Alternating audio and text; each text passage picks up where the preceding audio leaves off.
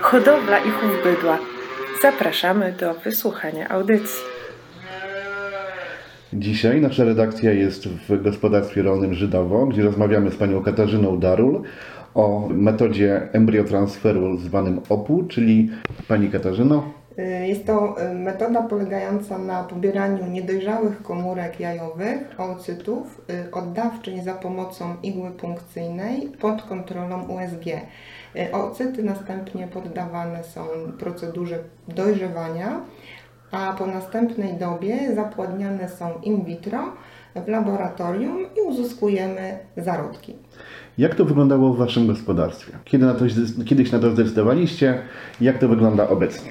Zde- y, Decyzję o podjęciu próby taką metodą y, pozyskania zarodków podjęliśmy już dobre dwa lata temu.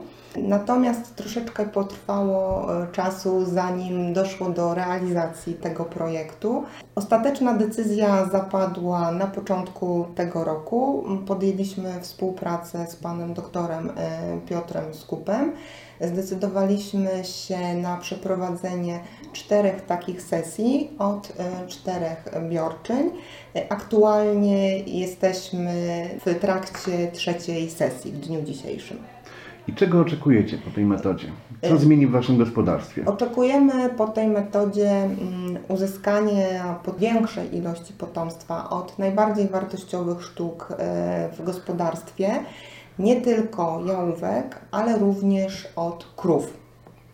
E, Czy pani zdaniem ta metoda jest bardziej kosztowna od klasycznej inseminacji czy klasycznego embriotransferu?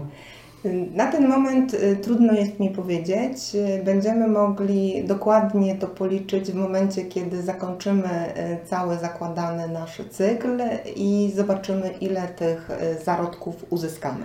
Na jakie cechy stawiacie w przypadku tych zapłodnień?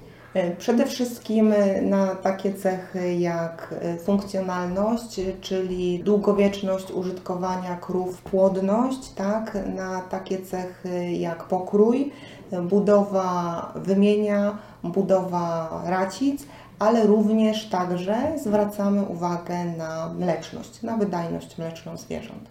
Czy taka metoda jest bardziej dedykowana Pani zdaniem dla dużych gospodarstw, czy również dla mniejszych? Uważam, Hodowcy. że ta metoda dedykowana jest dla wszystkich ludzi, którzy chcą prowadzić postęp hodowlany w swoim gospodarstwie. Dziękuję bardzo i trzymamy mocno kciuki, żeby wszystko poszło po- pomyślnie. Dziękuję bardzo. Dziękuję Państwu. Mówił Mateusz Kuciński.